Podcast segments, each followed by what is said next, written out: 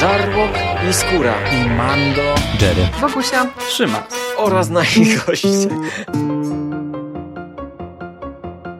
Konglomerat podcastowy. Wasze ulubione podcasty w jednym miejscu. Zapraszamy. Zapraszamy. Zapraszamy. zapraszamy. Zapraszamy.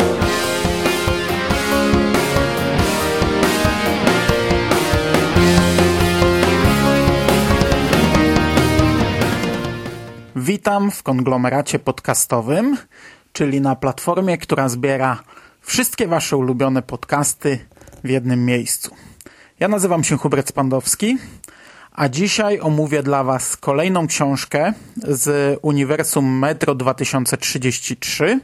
Będzie to trzecia powieść Denisa Szabałowa, yy, kończąca trylogię Prawo do.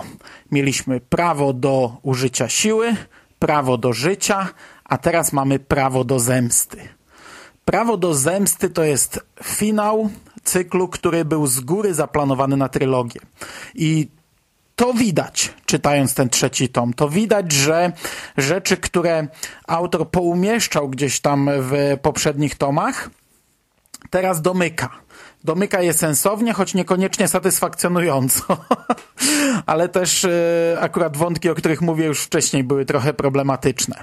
E, zanim jednak przyjdę do oceny, to przypomnę, że pierwszy tom ja bardzo chwaliłem. Mówiłem nawet, że to jest najlepsza książka z Uniwersum Metro 2033. Chwaliłem ją po pierwsze za styl. Oczywiście, trochę przegadany, ale ja jestem fanem Stephena Kinga, więc takie rzeczy nie są dla mnie straszne. Chwaliłem go za rozległą wiedzę na temat militariów i wykorzystanie tej wiedzy w książce oraz za sam pomysł na powieść i za jej formułę e, przeplatających się opowieści. To, to była spójna linia teraźniejsza, e, serwowana nam naprzemiennie z wyrwanymi historiami z przeszłości. Począwszy od dnia upadku, przez e, pierwsze próby stawiania schronu, dojrzewanie naszych bohaterów, pierwsze próby stalkerskie, aż po dzień dzisiejszy. To była powieść naprawdę świetna. Drugi tom oceniłem wysoko, ale już nieco bardziej kręciłem nosem. Już miałem takie momenty, że z tą książką było mi trochę nie po drodze i było mi ciężko. Ostatecznie okej, okay. ostatecznie dałem kciuk w górę.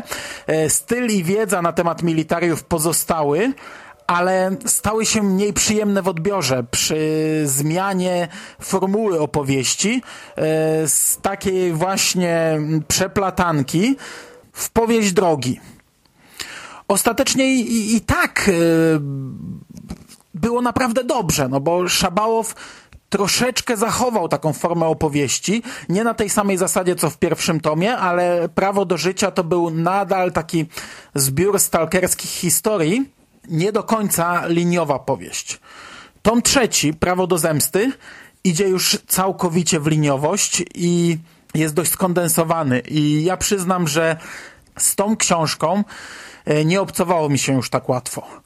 To, co w dwóch pierwszych tomach stawiałem na plus jako element większej całości, tutaj wysuwa się na pierwszy plan i dostajemy niekończące się opisy przygotowań do wojny, kompletowania uzbrojenia, taktyki, planowania kolejnych starć, a następnie, gdy już to się kończy, dostajemy same starcia, niekończące się opisy walk, użycia kolejnych, wszelkich możliwych, wszelkich dostępnych militariów, jakie bohaterowie mają w posiadaniu. I to się czyta średnio. O czym jest ta książka? Zanim do tego przejdziemy, przypomnę w dwóch zdaniach jak doszliśmy do tego momentu, w którym teraz jesteśmy. Pierwszy tom był tak naprawdę wstępem. E, linia teraźniejsza w, stanowiła wprowadzenie do tego, co istotne, natomiast e, połowa książki to było pokazanie nam, jak ci bohaterowie dorastali, jak radzili sobie w tym nowym życiu, w tym nowym świecie. I tak naprawdę finał pierwszego tomu to było otwarcie. Te ostatnie rozdziały to, to był punkt wyjścia do, do całej historii. Ponieważ to w tym momencie stalkerzy yy, wraz z członkami tajemniczego bractwa wyruszyli na misję podbicia rezerwy żywności. E, to wszystko nam zostaje wyłożone dużo bardziej w drugim tomie, bo drugi tom to jest właśnie ta cała podróż. I w drugim tomie dowiadujemy się, gdy, że gdy docierałem, gdy nasi bohaterowie docierają na miejsce, to, że to wszystko był tak naprawdę pic na wodę, było to oszustwo tego tajemniczego bractwa, a chodziło o to, żeby wyciągnąć wszystkich zdolnych do walki na powierzchnię, żeby jak najbardziej odciągnąć ich od schronu, po to, aby dokonać rzezi na wszystkich pozostałych mieszkańcach schronu.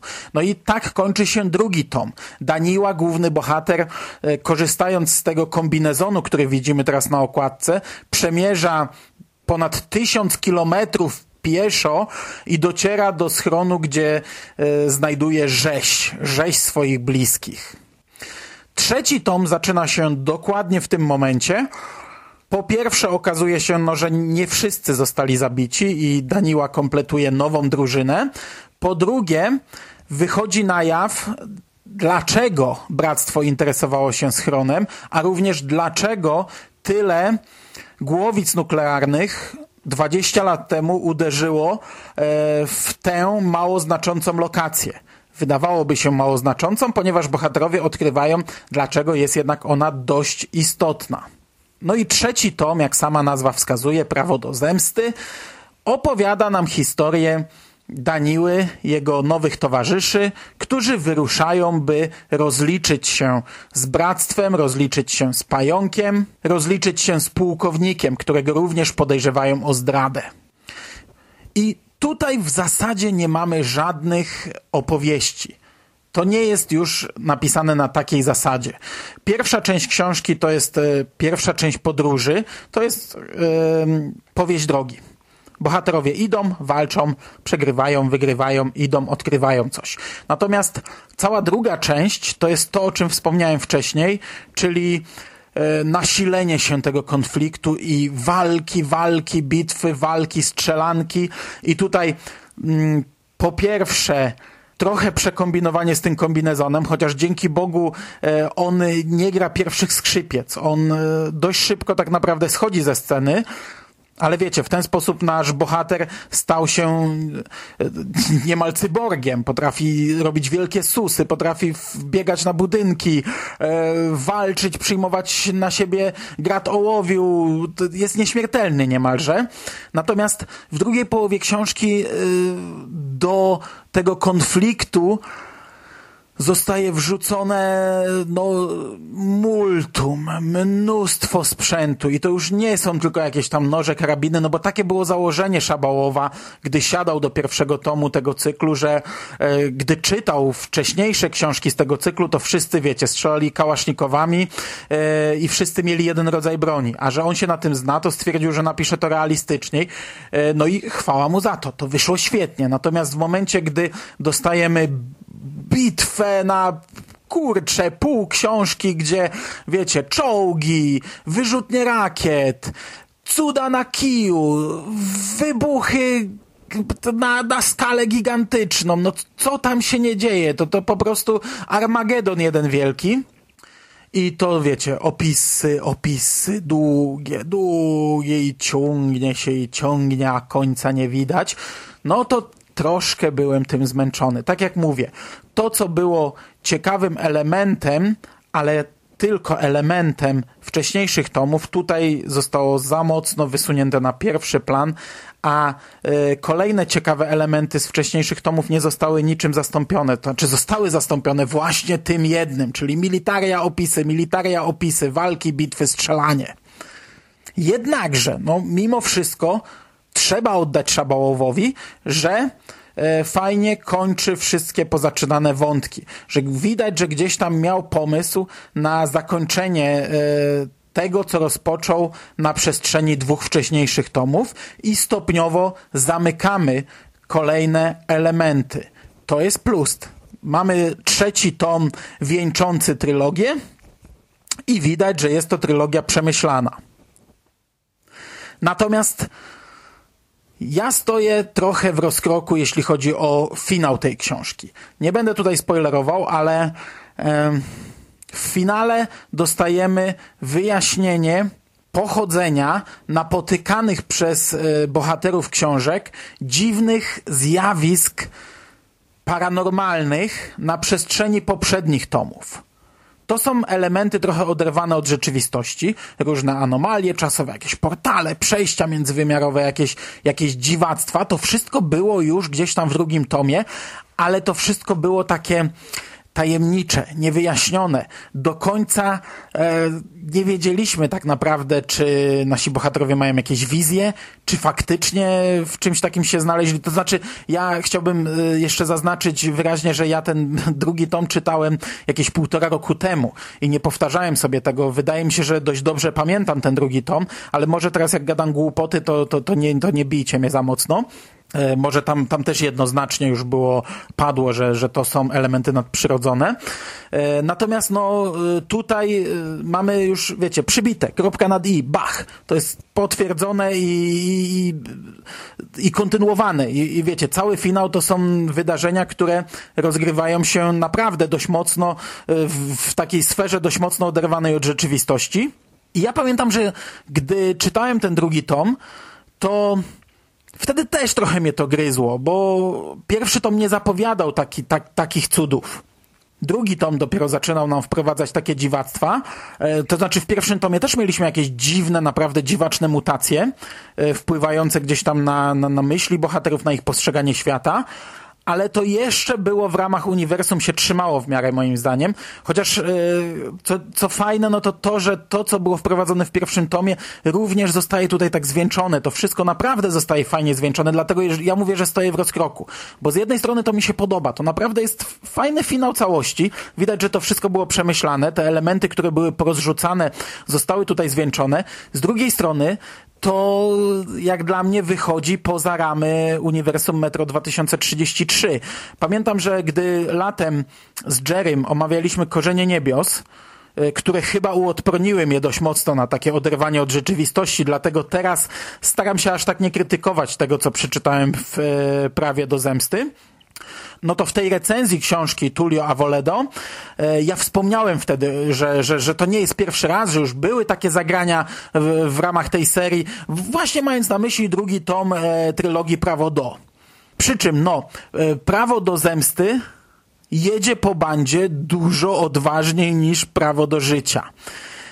I tak jak powiedziałem, z jednej strony to jest fajnie związane wszystko to, co sobie przemyślał Denis Szabałow, z drugiej strony to się gryzie z uniwersum i to kurczę tak nie wiem, czy pasuje do końca do, do, do, do takiej serii książkowej, no bo, bo Szabałow wziął sobie za punkt wyjścia yy, urealnienie trochę tego uniwersum a z drugiej strony wprowadził elementy całkowicie odrealniające je. Yy, Okej, okay, bo za długo już o tym mówię.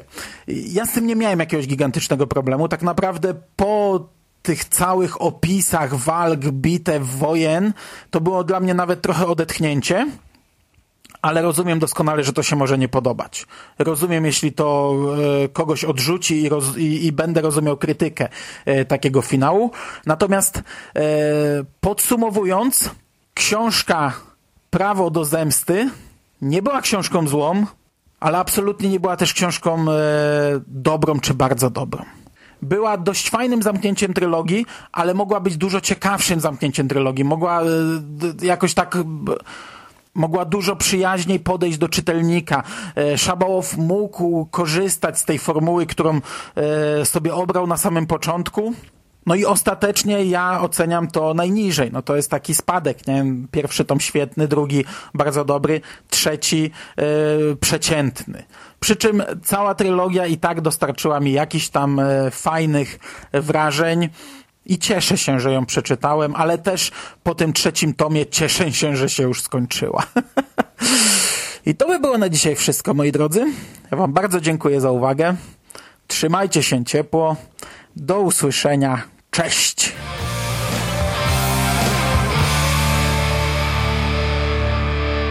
You finished? That's it, man. Game over, man. It's game over. What the fuck are we gonna do now? What are we gonna do? It's over. Nothing is over! Nothing! You just don't turn it off!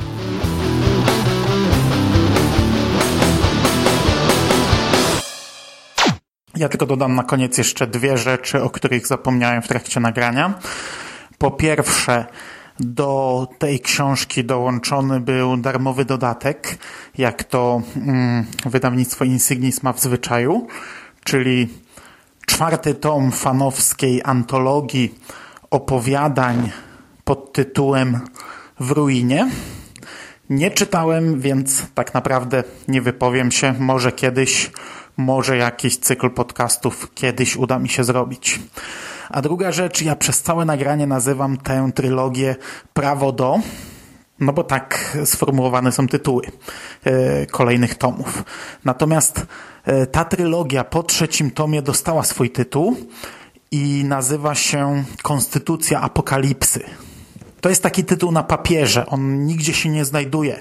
Ja to wielokrotnie podkreślam, że książki z tego uniwersum nie mają numerków na okładkach, nie są przyporządkowane do żadnej wyższej serii na okładkach. To jest bardzo mylące dla kogoś, kto jakoś bardziej się nie zagłębia w ten temat. Akurat w tym przypadku te tytuły są dość podobne, więc e, można, no ale to, to tak naprawdę sięgając po losową książkę, nie, nie znając pozostałych, nie wiemy, że tytuł jest do czegoś podobny, nie? E, no, to tylko tak w ramach sprostowania. Trylogia nazywa się mm, Konstytucja Apokalipsy, jednak jest to tytuł, który pojawił się już chyba po trzecim tomie i jest to tytuł funkcjonujący tylko i wyłącznie na papierze.